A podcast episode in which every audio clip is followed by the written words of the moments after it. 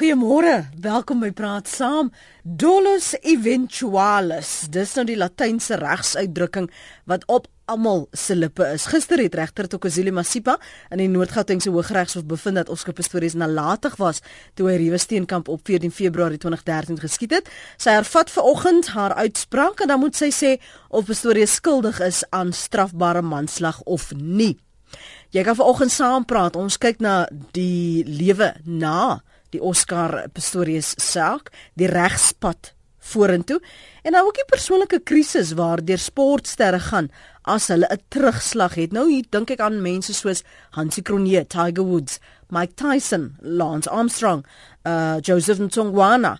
Nou die man wat die regsman moet ek daarom ook beklemtoon, wie ons hand vasgehou het die afgelope paar maande is uh, Marius de Toey van de Toey Prokureurs as jy hom wel sou soek. Uh, baie van julle het gesê julle kry hom nie, maar as jy soek soek op 'n soek en jy dan tik jy maar liewer in de Toey Attorneys. Lyk my dan gaan jy gouer by hom uitkom. Môre Marius. Môre. Dankie dat jy my weer terugkom hè. Ja, ek wil amper sê, "Jo, hier kry ek jou nou uiteindelik weer en jy het vir ons al die jou insigte die afgelope paar maande gedeel ter deur die loop van die hofsaak ook by by geleentheid jou eerste reaksie na aanleiding van al die regskenners en regsopinie wat nou daar uit is rondom Dolus Eventualis. Ek moet jou sê ek was ek was verras geweest met die uitspraak. Ek het nie gedink sy gaan onskuldig vind aan strafbare manslag nie. Ek het ook gedink dat daar 'n goeie kans is dat sy hom op moord kan skuldig bevind. Ek dink egter weet mense moet uh, vir regter toe gedien maar sien maar regtig krediet gee. Ek dink sy het 'n baie goed bewoorde uitspraak gegee. Ek dink ekter net daar die einde en ek wil nie haar kritiseer nie want ek wil nou nie myself skuldig maak aan minagting buite die hof nie, maar daar is seker punte wat die staat op kan probeer appeleer. Ek dink ekter dat uh, overall dat die regter sê het uh, baie goed vir haar taak gekwyt. Die wyse hoe sy die staat se se weergawe, kom ons met Gerry Nel se weergawe van voorbedagte moord basies van die tafel af gesê het wat vir my baie indrukwekkend geweest en ek dink sy het dit baie goed hanteer. Ek dink egter die gedeelte wat gaan oor die skiet in die toilet is 'n verskriklike komplekse regsprobleem. En ek dink dalk is ons baie nog self verstrengel geraak in al die begrippe. Maar ek moet gou vir jou vra want want dis nou die die verdeelde mening wat ek hoor. Het Gerinal ooit verwys en geïmpliseer dat dit gegaan het oor voorbedagte rade? Want ek het nog gedink uit die staanspoor het dit duidelik gemaak dis nie wat hy voorvra nie. Wel, kom ons gaan gou terug na die Bolgaansoek. Jy sal onthou by die Bolgaansoek het Gerry Nel pertinent gesê dat hulle steun op 'n bylaag 6 misdryf. Nou bylaag 6 ja. in hierdie omstandighede was moord met voorbedade.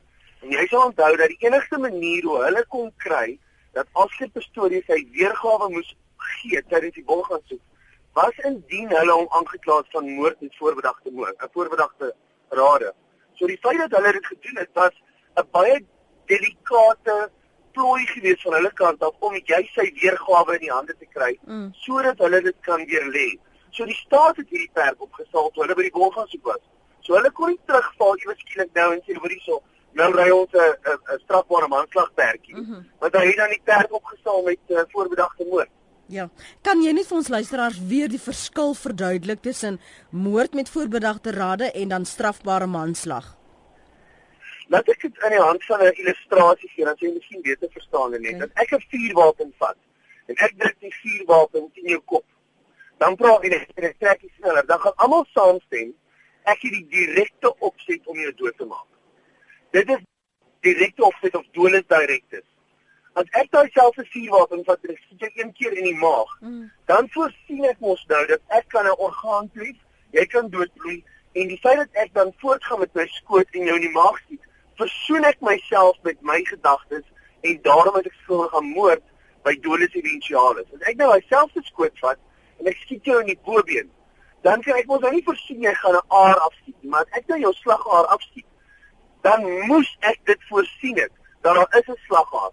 Het ek dit dan anders as die redelike man opgetree en jou dood kan intree as jy slagaar afskiet. So dit sal dan 'n manslag wees, maar toegepas op die feite hmm. Wanneer mens werk met voorbedagte moord, mense moet onthou, ons howe het nou al 'n definisie daaraan gekoppel. Ons howe sê dis nie genoeg en hulle het spesifiek gepraat van spur of the moment. It's not good enough for spur of the moment. Hulle het gesê dan moet 'n 'n doelbewuste opweeg van belange wees. Ek moet letterlik as te ware by opsies sit en oorweeg en besluit gaan ek Y doen of gaan ek X doen? En as ek dan my opsies uitgeoefen het of oorweeg het, dan gaan neem ek nou 'n spesifieke handeling na aanleiding van daai besef. En dit waar hulle sê voorbedagte moord inkom. Daar was 'n saak in die Kaaplinet van 'n 'n 'n raad waar die volbank van die Kaapse Hooggeregs het gesê die feit dat hierdie man gehardloop het na sy huis toe en die, en die vuurwapen uit die kas uitgehaal het en sy vrou doodgeskiet het is nie genoeg gewees om te sê dat hy die opsies voldoende oorweeg het om skuldig te kan wees aan voorbedagte moord. So dis 'n redelike hoë maatstaf waaraan die staat moes voldoen het. Mm -hmm. Hulle het nooit daarby uitgekom nie. Daar was nooit getuienis van voorbedagte moord nie. En selfs dodes direktes of direkte opset, mm dink ek was daar geen getuienis van nie. Goed. Ons gaan terugkom. Jy het in jou inleiding gesê daar sekere punte wat jy dink die staat kan op appeleer. Ons gaan hom gou vir 'n oomblik parkeer. Laat ons net eers hoor wat ons luisteraars op die hart het as jy wil saampraat. Ons praat oor die regspad vorentoe, maar ons praat ook oor die persoonlike krisis waardeur sportsterre gaan as hulle 'n terugslag het. Um ek het nou 'n paar name genoem. Nou sê Ben Taylor, "Hoekom sit jy 'n Tiger in dieselfde boot soos 'n Lance of 'n Hansie?" Die Tiger Woods het van gehad die ander die game gekook.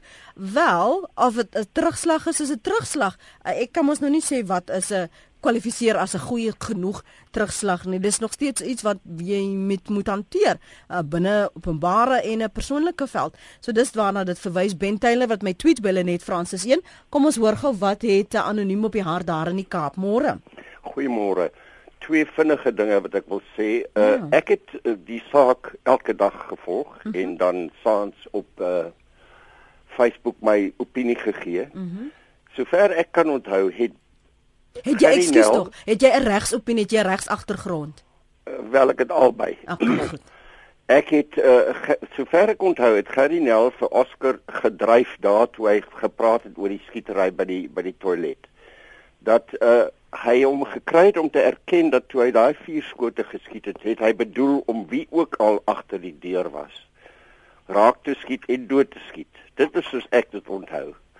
Die tweede ding wat ek uh, baie sterk oor voel en ek vra almal van julle wat internet het, gaan op die internet in in tik net in ledigingstyd van die maag tydens vrees en angs and during the sympathetic reaction volgens alle regsgeneeskundige handboeke kan die ledigingstyd van die maag vir ure en selfs dae vertraag word as dit onder vrees en angs geskied. Mm -hmm.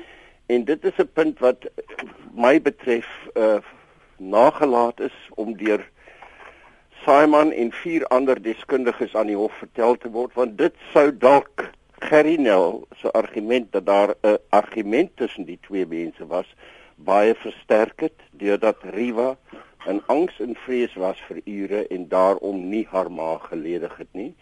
En dan later het ek skielik besef dat daai braaking van Oscar in die hof was ook as gevolg van die simpatiese reaksie omdat hy nie sy maag geledig het van vorige maaltye nie. Ek praat ek praat saam. Dankie. Dankie vir die vir die terugvoer. Interessant om dit te hoor die menings daar. Ek is seker jy gaan daarop reageer. Eh uh, Marius Barbara? Eh uh, uh, môre. Ek wil net vir Marius vra. Ek het twee vrae. Ehm um, die eerste vraag is ek kan nie on, ek dink hulle kan onthou destyds in Nelspruit toe 'n uh, versagie die rugby speler sy dogter as 'n inbreker 'n uh, 'n uh, 'n uh, uh gedink het dis 'n inbreker toe sy laat by die huis gekom het en toe hy uit die huis uit gegaan en toe hy haar doodgeskiet. En toe was daar ook 'n hofsaak en toe hulle hom ook onskuldig gevind.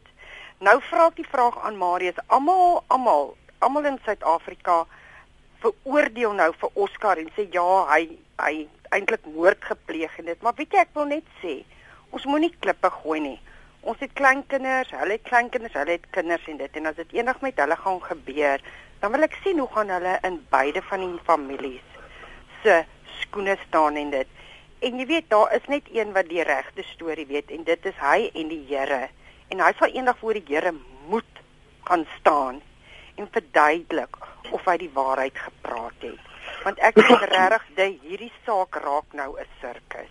Goed. Dankie. Dankie Barbara se mening daardie. Jy kan reageer as jy wil saamgesels. Ek wil net ek wil die regspunte bly asseblief uh, Marius. Sekerlik. Wat vinnig aan betref uh vleisversagie se storie. Ek verbeel my dat hy nie vervolg was en dat hulle die saak teruggetrek het nie. Nou moet ek mm. vinnig die volgende kwalifiseer. Indien daar 'n tragiese voorval is waar jy per ongeluk jou vrou of jou kind se dood veroorsaak, is die argument gewoonlik dat jy reeds jou straf weg wanneer dit gebeur. Maar ons praat hier van sy meisie wat hy 4 maande nie uitgegaan het op daai stadium. Faisal Sagie se geval dink was sy dogter gewees. En ek dink die staat het te begin soms wat hulle toepas wat hulle uit menslike redes uit nie vervolg nie want kyk hulle kon Faisal Sagie vervolg daar's geen twyfel daaroor nie maar uit menslikheidsredes uit doen die staat dit soms nie so ek dink dis wat daar gebeur dat betref die ander luisteraars se aspek daar ten aansien van die lediging van die maag ek dink die probleem daarmee was dit is nie 'n eksakte wetenskap nie omdat dit nie 'n eksakte wetenskap is nie het die hof baie duidelik gesê ek kan nie afleidings maak nie want mens moet altyd onthou wat is die oor die oorweging of die oorkoepelende regsvraag. Indien jy afleidings uit getuienis omstandigheidsgetuienis wil maak, moet dit die enigste redelike afleiding wees. As daar ander redelike afleidings is, dan kan jy dit nie maak nie. So om die die koutjie by die oor te sit en te sê maar hoorie so omdat hy gestres was of omdat sy gestres was, het sy nie geëet nie.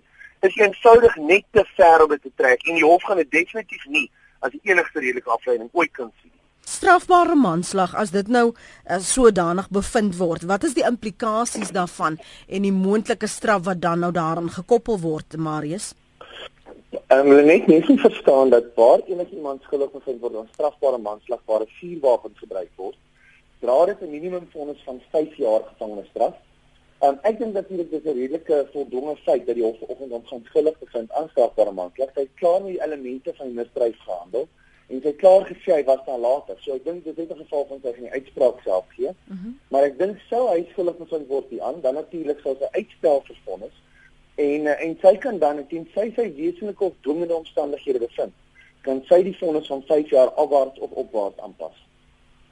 Uh, so opwaarts beteken langer as net 5 jaar. So die minimum wat die die wat die die perk wat jy nou moet gebruik is dan nou 5 jaar.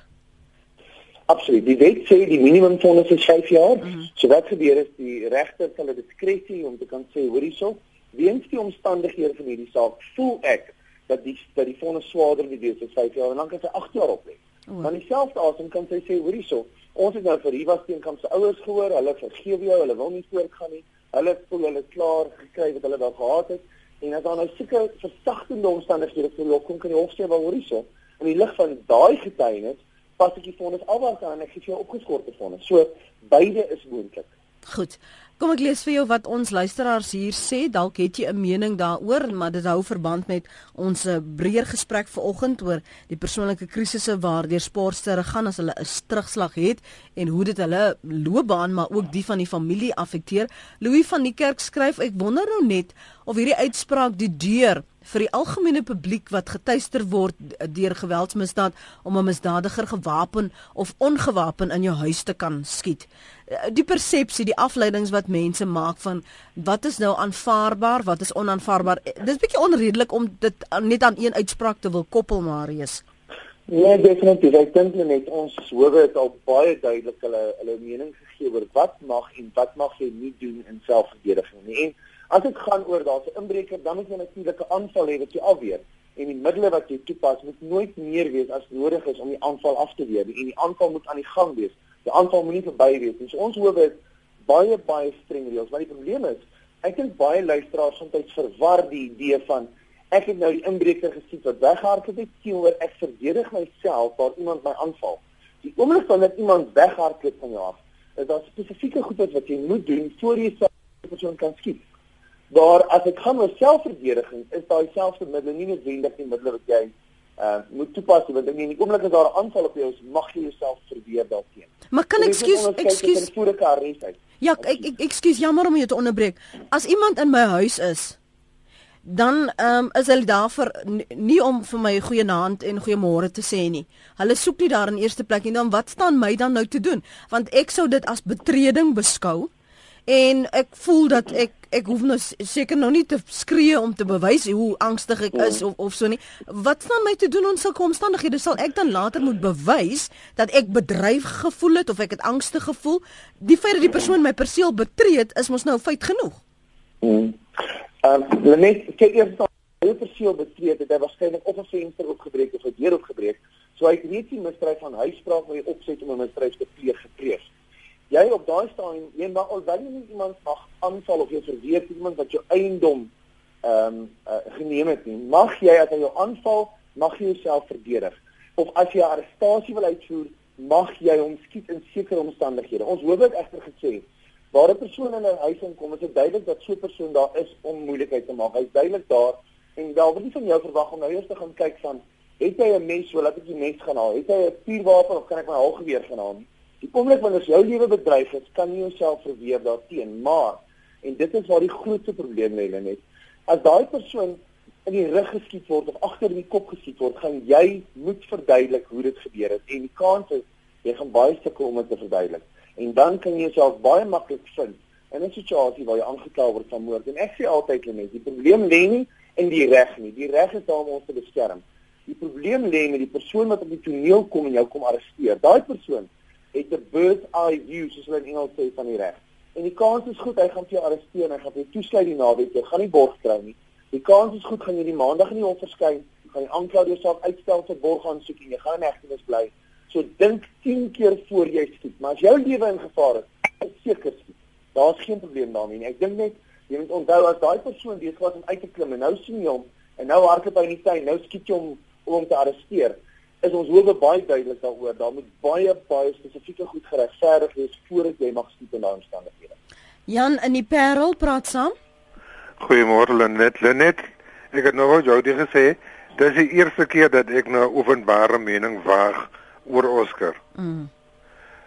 Ek is nou bly jy het vanmôre 'n kenner in die ateljee. Praat gerus verder Jan. Lenet waar ek min nêrens kon gerineel eers daar in hint dat Oscar gaan sit het in 'n plan wat gebind maak het om om die persoon te vermoor of dood te skiet nie. Hy het instinktief opgetree. So nou vra ek vir jou met uh, Lenet Gerrit 'n lang kans gevat om om vir Oscar wil skuldig te bevind aan moord. Want hy moes heeltyd staat maak op omstandigheidsgetuies. Goed Jan, nog 'n punt wat jy wil maak? Nou vra ek vir jou Lenet, kyk hier wat hy moes nou moes gedoen het. Kyk hier dit nou moet nou moet Marius my my help. Hy moes mos nou gesoek het vir die commonalities tussen die getuies want hy hy nêrens het iemand uh, was iemand 'n ooggetuie nie. So hy moes mos nou staat maak op die uh uh hoe sê mens nou die gemeenskaplikhede van die getuienis, né? Goed, goed Jan, luister verder by die radio. Kom ek sluit aan my my my vraag rondom dit. Aan die een kant het het die regter gesê, um, Pastorius was nie 'n geloofwaardige getuie nie. Ehm um, aan die ander kant sê sy dit is die enigste weergawe wat sy het om op te gaan en die ander mense daar's te veel strydighede met al die getuienis. So nou nou vra ek nou as jy aan die een kant bevind die persoon is nie geloofwaardig nie, bevind jy hom nou net op sekere aspekte is hulle nie geloofwaardig nie. Hoekom besluit jy dan op hierdie aspek kan jy maar die weergawe van daardie persoon vertrou? So dit sluit vir my aan by wat hy praat rondom waarna luister jy en waardeur laat jy jou lei. So kom ons gee vir jou die kundige die kans om daarop te reageer. Dankie dan net. Ek dink mens moet eers begin by die oorkoepelende toets. Die toets is is die beskuld tussen weergawe redelik moontlik waar? En selfs al is hy leenagtig, is die vraag nie om is die vraag nie omdat jy leenagtig is as jy skuldig nie. Die vraag is selfs al bevind ek dat jy 'n leenaar is. Is jy kan ek met geruste hart sê dat daai weergawe nie redelik moontlik waar is nie. En dis wat die regter hier gedoen. Die regter het gegaan en gesê: "Askind, jy was treurig in die getuiebank. Jy het swak getuig, jy het vra ontwyk. Ek was nie beïndruk met jou as 'n getuie nie. Jy was 'n ongeloofwaardige getuie, maar kan ek sê as ek dit alles in aanmerking neem dat jy al hierdie weergawe vir ons genoem het, kan ek sê dat jou weergawe nie redelik moontlik waar is." En sy het toe gegaan en sê: "Maar kyk, net na die insident het Oskar onmiddellik 'n rapport gemaak aan die dokter Stip waarna hy het hom gesê dat ek gedink daar's 'n inbreker." So sy sê Dit was nie 'n onlangse versinsel nie. Jy het vandag eendag gesê dis jou weergawe. En ek kan daaroor nie bevind dat daai weergawe eenvoudig nie redelik moontlik waar is nie. Alhoewel jy leenagtig is, is nie te sê jou weergawe is redelik moontlik waar nie. So die toets is so ontwerp mm -hmm. dat die hof aan die einde van die dag nog steeds kan sê maar ek het niks anders om op te gaan nie. en ek dink Dis wat dit so moeilik was vir regter Masipa, die feit dat daar was nie direkte getuienis. Daar was nie getuienis van iemand wat sê Oscar het X en Z gedoen. Dis omstandigheidsgetuienis waaruit mens afleidings maak, dit forensiese getuienis, dit ballistiese getuienis en natuurlik die die moordtoneel self. En daai getuienis alles in geheel was nie genoeg gewees vir die hof om te sê ek kan Oscar se se weergawe verwerp as nie weet moet waar nie. En daarom het sy in die einde van die dag gekom en gesê kom ons werk met sy weergawe. En op sy weergawe bevind ek die volgende. Ek bevind hy het nie voorsien dat hy iemand kan doodskiet nie. Ek bevind hy het impetatiewe noodweer opgetree, sogenaamde gewaande noodweer en in daardie omstandighede vind ek onskuldig aan strafbare manslag. Ons kan nou nou gesels oor die punte waar wat jy aanvoer waarop appeleer kan word. Uh, ons wil eers hoor wat het Cathy op die hart. Cathy? Goeiemôre Lenet. Baie ja. dankie vir die geleentheid dat ek kan saampraat. Welkom. Ehm um, Lenet, 3 jaar gelede is my enigste pragtige dogter wat ek alleen groot gemaak het, doodgeskiet deur 'n vriend. So my kinders neem my ontsettend kwaadlik dat ek so vasgenaal is vir hierdie Oscar saak en selfs Victoria toe gery het om te gaan sit in die hof. Mm. Elke saak het sy eie meriete en net hy weet wat daar gebeur het. En ek ken omtrent 14 mans in die gevangenis wat daar sit vermoord as gevolg van 'n vroumens. En ek voel tronkstraf kan geen doel dien nie want in die tronke word hulle glad nie gerehabiliteer nie. Glad nie. As hy gemeenskapsdiens opgelê word om te help met gestremde mense, hoe oud of watter ras ook al, dan sal hy 'n doel dien want hy was tog hierdie ikoon wat ons almal na opgesien het en bewonder het.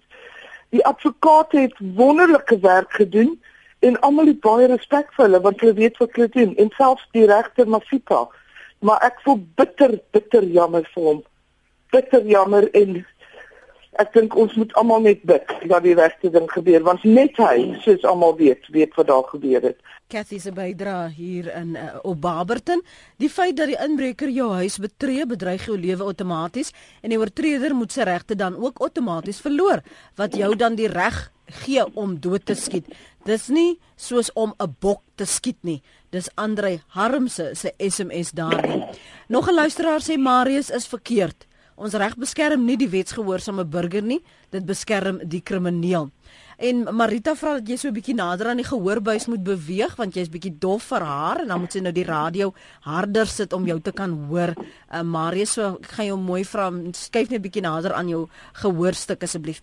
Kyk, kan ek praat oor die die sekere punte wat jy sê waarop daar geappeleer kan word. Neem ons deur dit sodat ons net kan verstaan indien dit 'n proses is wat Gerry nou wil volg. Okay, wel, ons moet ons kyk tussen die staat wat appeleer en natuurlik die verdediging wat appeleer. Uh -huh. Sou Oscar 'n vonnis skryf van direkte gevangenisstraf, is ek oortuig van hulle sal teen die vonnis appeleer. Ek twyfel of hulle teen 'n skuldigvinding van strafbare manslag sal appeleer want hulle sal bang wees dat die staat 'n sogenaamde kruisappel loods. Want as hulle 'n kruisappel loods, die oomblik wanneer jy teen die meriete appeleer of 'n skuldigvinding appeleer, kan die staat kruisappel en dan kan die hof jou op iets anders skuldig bevind. Maar die staat daarteenoor kan slegs appeleer op regsgronde. Nie die toepassing van die reg nie, regsgronde. So dit beteken indien regter Masipa die aspek van dolus eventualis totaal verkeerd interpreteer, dan kan hulle sê daai is 'n regsgrond. Nou kan ons daarteen appeleer. En natuurlik kry hulle nie 'n reg nie. Hulle moet aansoek doen om verlof. Die hof moet sê ek bevind dat 'n ander hof tot 'n ander bevinding kom en dan eers sal sy verlof gee. So dis nie 'n outomatiese reg nie, maar die staat kan teen die skuldigvinding appeleer op op regsgronde Die verdediging kan op enige grond appeleer, regs of feitegronde en natuurlik kan beide teen die vonnis appeleer. Maar moet sy dan nog dit aanhoor as as hulle dit ja, doen? Ja, wat kan Kyk, wat kan gebeur net is dat hulle sal waarskynlik vandag nou die uitspraak klaar maak. Uh mhm. -huh. Dan sal hulle waarskynlik uitstel vir 'n maand of twee vir vonnisverrigtinge. En op daai stadium, die oomblik wanneer die vonnis afgehandel is, kan jy appeleer. Jy kan nie nou appeleer. So jy moet wag tot die vonnis klaar is dan as die vonnis opgelê is, dan sal hulle waarskynlik vir die hof sê ons het instruksie om aansoek om verlof te bring en dan sal hulle datum reël met haar en hulle sal terugkom om die aansoek om verlof te argumenteer miskien in Desember of so. Goed. Tia skryf, ek het al in my gedagtes beplan hoe ek sal reageer. O, jy moet liewer sê jy het dit al beplan nie, want dis voorbedagte rade Tia hoe ek sal reageer as ek uit my slaap wakker word en 'n inbreker in my huis hoor. Toe ek wel eendag wakker word en beweging in my huis hoor, het my lyf vuur warm en heeltemal lam geword in my bed. My punt is, jy reageer heeltemal anders as jy in daai situasie is as wat mens dink jy sou. Mense moet ophou om te sê Hoekom het Oscar nie dit of dat gedoen nie? Dis maklik vir ons om hom te beskuldig, maar wag tot dit met jou of met jou familie gebeur. Dan skryf 'n leefstylafrigter. Oscar het reeds sy straf begin uitdien. Sy lewe as atleet wat die beste in die wêreld was, is verby. Sy privaat lewe is verby. Hy sal nooit ooit iewers sal kan beweeg sonder dat mense na hom wys en siekies praat nie. Hoe kan mense die regter se bevinding betwyfel? Ek moet mense daagliks van voor af leer lewe na misdaad voorvalle in hulle huise.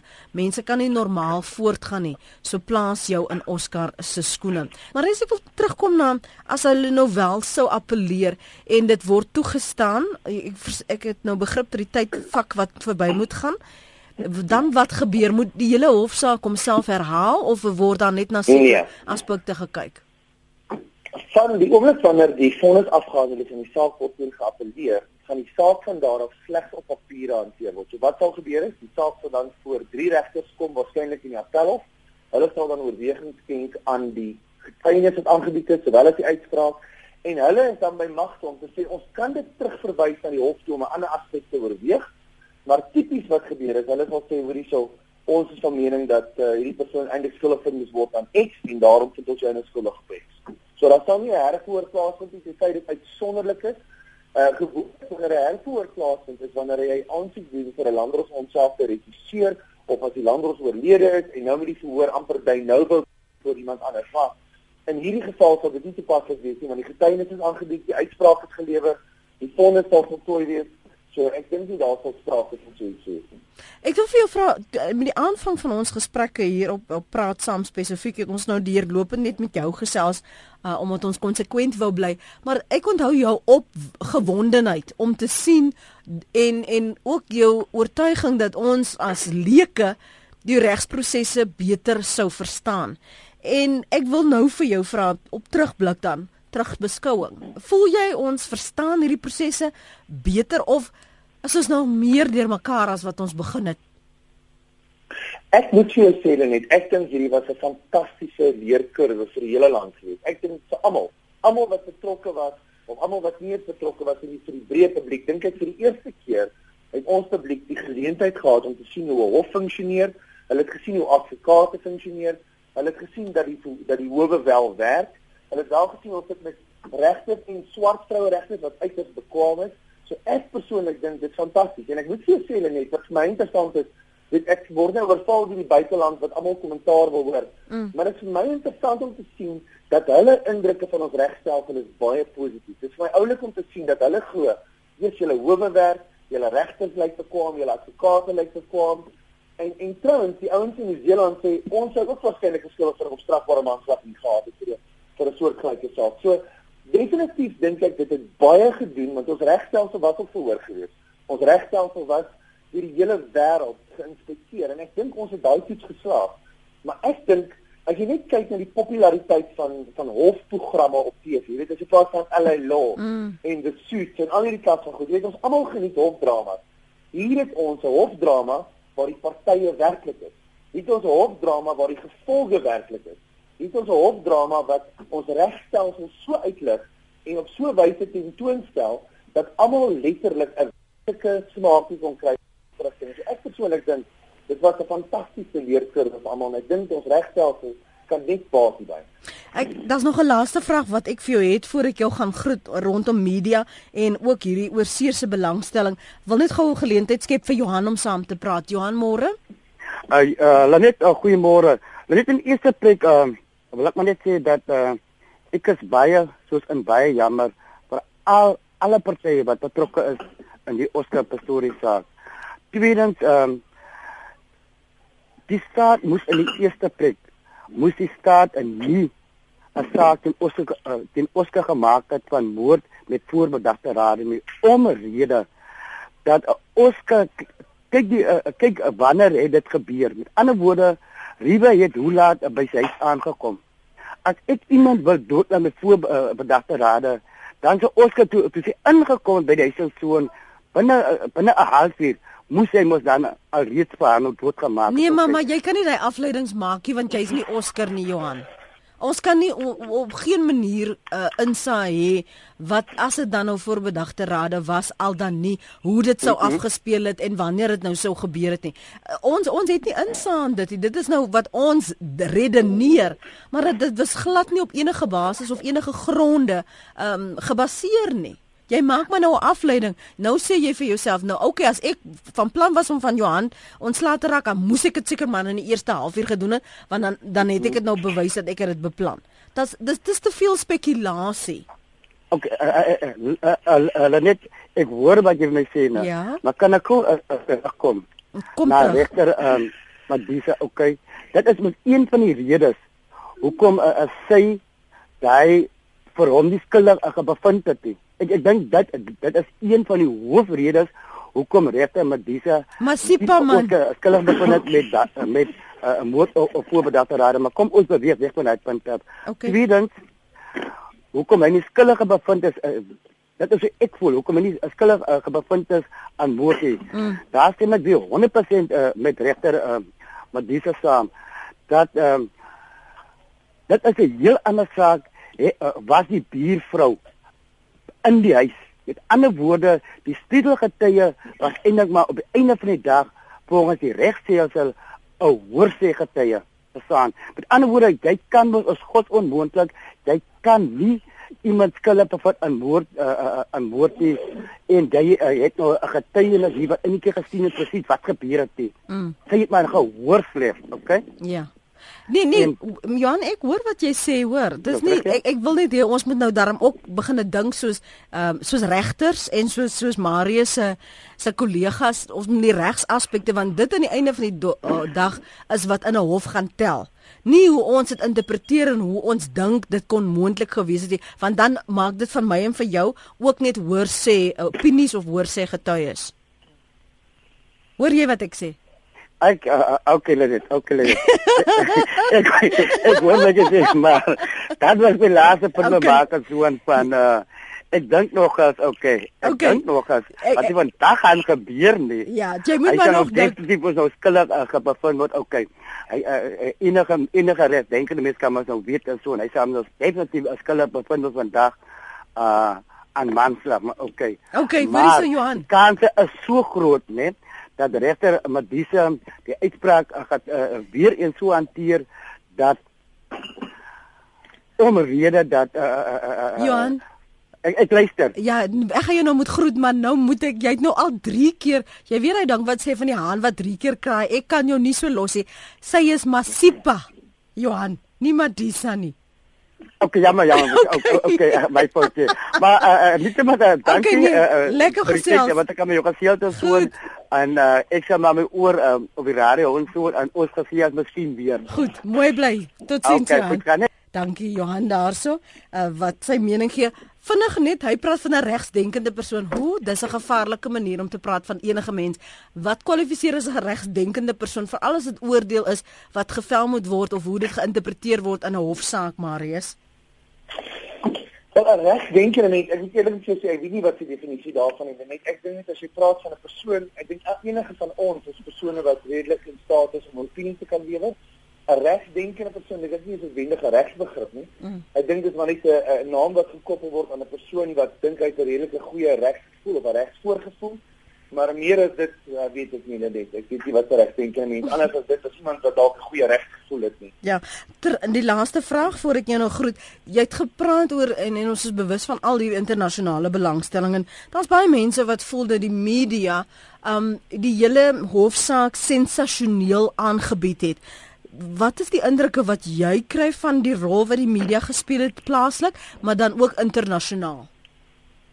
Ja, ons weet dit het 'n impak op die verhoor gehad, want jy sal onthou dat Barry Roo aan die einde van die verhoor gesê het, maar hoorie so, ons wou nog getuies geroep het, maar hierdie getuies is bang om te kom getuig. Hulle wil nie hulle self blootstel ja nie. So, ek dink definitief die media het 'n groot rol gespeel in daai aspek, maar ek dink in dieselfde asem dink ek die media was redelik verantwoordelik geweest. Ek dink regtig die media het besef die sekere reëls waarna ons moet voldoen en ek dink daai reëls is redelik nou gesit nagekom. Ek dink met uitsluiting van heel in die begin toe ek dink ETC 'n foto gewys het van een van die getuies wat hulle nie mag gedoen het nie. Mm -hmm. Behalwe daarvoor, dink ek die media het regtig baie mooi binne die lyne en die reëls van die spel gespeel omdat hulle besef het hierdie is 'n voorreg, hè. Hierdie is nie 'n ding wat noodwendig ooit voorheen gebeur het nie. So dit was uitsonderlik geweest dat die regter dit toegelaat het en vir daai rede dink ek almal het redelik goed by die reëls gehou. Ek wil vir jou baie dankie sê. Dit was goed om jou te leer ken deur die loop van ons uitsending. Sterkte daar, Marius. Dankie Lenet. Mooi dag verder. Marius de Toey is uh van die twee prokureurs. En soos ek vroeër gesê het indien jy hom wel soek dan moet jy maar liewer kyk vir die twee attorneys. Is makliker om hom dan te kry want nou sê julle ek het nie besonderhede gegee nie. Joe en nou die tweet wat sê as jy vuurwapen op iemand rig is dit poging tot moord as hulle verhewe bo die wet? Ons kyk vanoggend en praat saam na die regspad vorentoe na die Oscar Pistorius uitspraak. En ons praat oor die persoonlike krisis waardeur sportsterre gaan as hulle 'n terugslag het het. Jy kan saamgesels. Ek kyk die hele tyd na Jenny Pinaar se e-pos hierso op www.rsg.co.za. Jenny gaan hom nou lees. Jy kan ook bel op 0891104553 SMS na 3343 elke SMS kos jou R1.50. Geraldine Pelay is 'n baie bekende voormalige atleet. Geraldine, as jy nou in die openbare oog jou lewe leef en dan kom 'n persoonlike krisis, hoe skei jy die twee wêrelde? Ah, Lenet, dit is dit is eintlik baie baie moeilik want ehm um, vir 'n normale persoon is dit baie makliker om, you know, om 'n krisis te hanteer want dit is nie so publiek nie. Maar wat wanneer jy in die openbare oog is, daar is Ooh, jene Jody. Verwag jy moet 'n sekere manier dit hanteer, jy moet dit so gehanteer het. So dit is eintlik baie baie moeilik. Um omdat jy in die in die openbare oog is om om dit reg te hanteer of om om terug te bounce na 'n um, you know 'n krisis soos dit want daar is soveel ander mense behalwe die die klein sirkeltjie waar jy in beweeg en daar's soveel ander mense wat dink dit is hoe jy dit moet hanteer dit is hoe jy dit sou hanteer dit en you know jy word al voor jy voor enigiets anders kon gebeur het gekruisig sonder dat mense regtig weet wat presies aangaan en ook um you know in jou lewe in die krisis jy gaan So dit is dit is baie moeilik vir vir 'n uh, quote unquote celebrity as 'n as 'n normale persoon, you know, Joe soap op die straat om 'n om 'n krisis te hanteer. Vind jy dat dat dat die media vir jou ruimte gee om jou persoonlike krisis te hanteer? Um en die of of moet jy net staat maak op die mense hier in die onmiddellike sirkel? Ongelukkig nie. Die ek dink nie die media uh, um gee vir mense ruimte nie. Ehm uh, vir alles wat sensasie 'n sensasionele uh, uh, uh, saak is, you know, dat word elke dag word daar gerapporteer en en baie kere verkies mense om nie kommentaar te lewer nie. Ehm um, you know, in die media nie en dit laat dan die publiek wat dit lees afhangende van die ehm um, die resources of die media resources hang af hoe hulle dit rapporteer. Dit dit laat baie oor vir die verbeelding en almal maak hulle eie gevolgtrekking. So die media as hulle dit privaat hou, ja, dan gee hulle veel baie rente om dit te hanteer. Maar as dit elke liewe dag in die publieke publieke oog is in in in in koerante, op radio's, op die internet is, dan is daar nie regtig waar veel veel rente nie. Ons praat ook intussen met Dr Louise Olivier, sy's 'n kliniese en 'n voorligtingsielkundige. Dr Olivier, môre. Uh, Goeiemôre Nene. Baie dankie vir jou tyd. Jy hoor nou die agtergrond wat uh um Geraldine gee. Is dit erger as jy 'n terugslag het? Is dit erger as dit in die media so elke dag oor gerapporteer word, verslag oor gedoen word? Voel jy meer blootgestel as die Joe show soap waarna Geraldine verwys aan Jan Alleman? En ek dink ons moet onthou dat enige uh, sportster of iemand wat baie bekend is, het psigiese en psigiese sterkte, maar aan die ander kant het elke mens ehm um, het is 'n uh, 'n sagtheid en ook jy wil nie graag so gekritiseer word nie. En die probleem is wanneer die media jou hele lewe bloot lê, dan is jy baie ehm um, oopgevlek. Uh, en baie keer is baie van die goed ook nie heeltemal korrek nie. En uh, dit sal enige mens se selfbeeld afkraak. Enige mens uh, traumatiseer in werklikheid.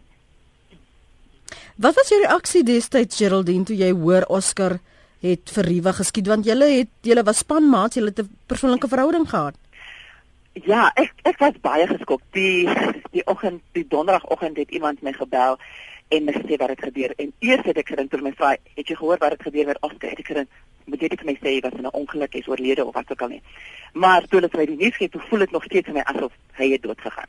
Ehm um, dit was my regtig wat 'n groot skok want you know what dit is dit is iets wat jy dink dit gebeur nie met mense wat jy persoonlik ken nie. Dit gebeur met iemand ver ver weg van jou. Gebeur dit op televisie wat jy sulke goed sien en hoor.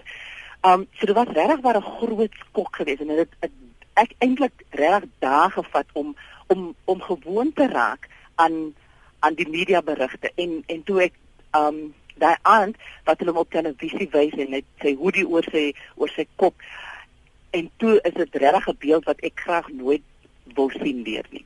Want dit is vir my soos 'n krimineel gelyk en dit is nie die persoon wat ek geken het die die die -hmm. die atletiekster die die persoon wat almal regtig waar lief voor geraak het vir sy atletiek abilities en ook vir sy persoonlikheid. So dit was regtig waar dit was 'n groot dit was 'n groot skok en ek dink vir baie mense, nie net die wie hom persoonlik geken het nie, maar ook net mense wat hom geken het as 'n atleet, was dit regtig waar 'n groot skok. Ek wil op daardie punt vra rondom die vriendekring wanneer 'n sportster so 'n openbare terugslag het uh, Dr Olivier wat se impak op die familie die die vriendekring uh, veral waar daar soveel aantuigings is teen 'n persoon wat jy nog altyd gevoel het maar ek ken die persoon of dis my kind hierdie. Ek dink mense moet dit in twee kategorieë sien.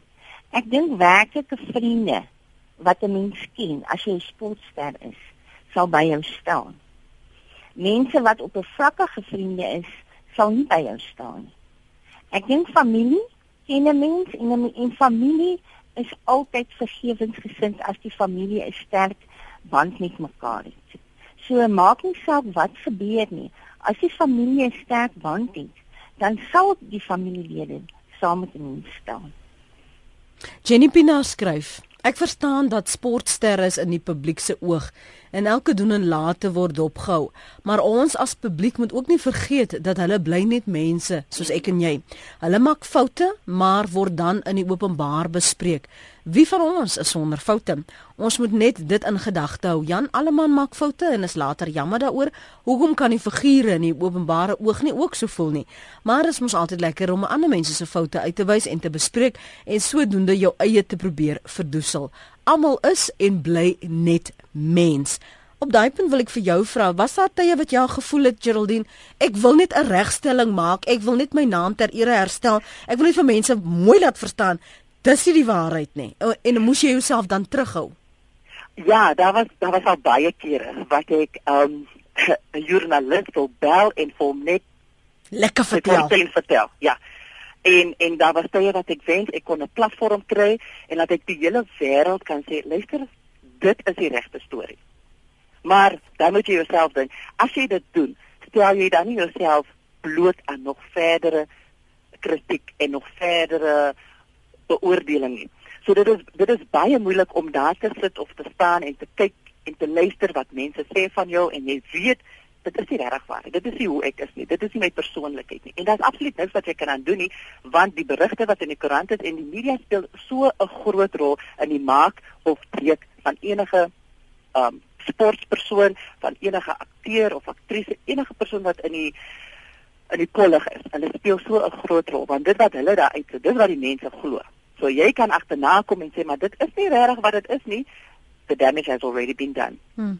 En hoe maak jy seker dat daardie skade nie 'n vir ewige skande 'n klad op jou naam bly nie? Hoe hoe gaan jy aan met jou lewe na so 'n terugslag, Dr Olivier? Ek dink dit is baie moeilik omdat um, jy moet van voor af eintlik eers jouself opbou. En jy moet van voor af eh, 'n uh, besluit neem en baie mense kan dit nie doen nie omdat op daardie stadium het hulle nie die fisiese sterkte om dit te doen nie. So baie keer na so 'n geweldige traumatiese ervaring het mense eintlik sielkundige hulp nodig om weer daai sterkte op te bou, om weer te sê, maak nie saak wat enige iemand van my sê nie. Hmm. Ek gaan weer opstaan. En dan het 'n baie sterk mens om dit te doen. Mm. Dr. Olivier, Dr. Louise Olivier is 'n kliniese en voorligtingsielkundige. Baie dankie vir jou tyd vanoggend op praat saam. Dankie ook aan uh, Geraldine Pelay en Marius de Toey van de Toey uh, prokureurs. Lekker dag vir julle verder. Baie dankie. Totsiens,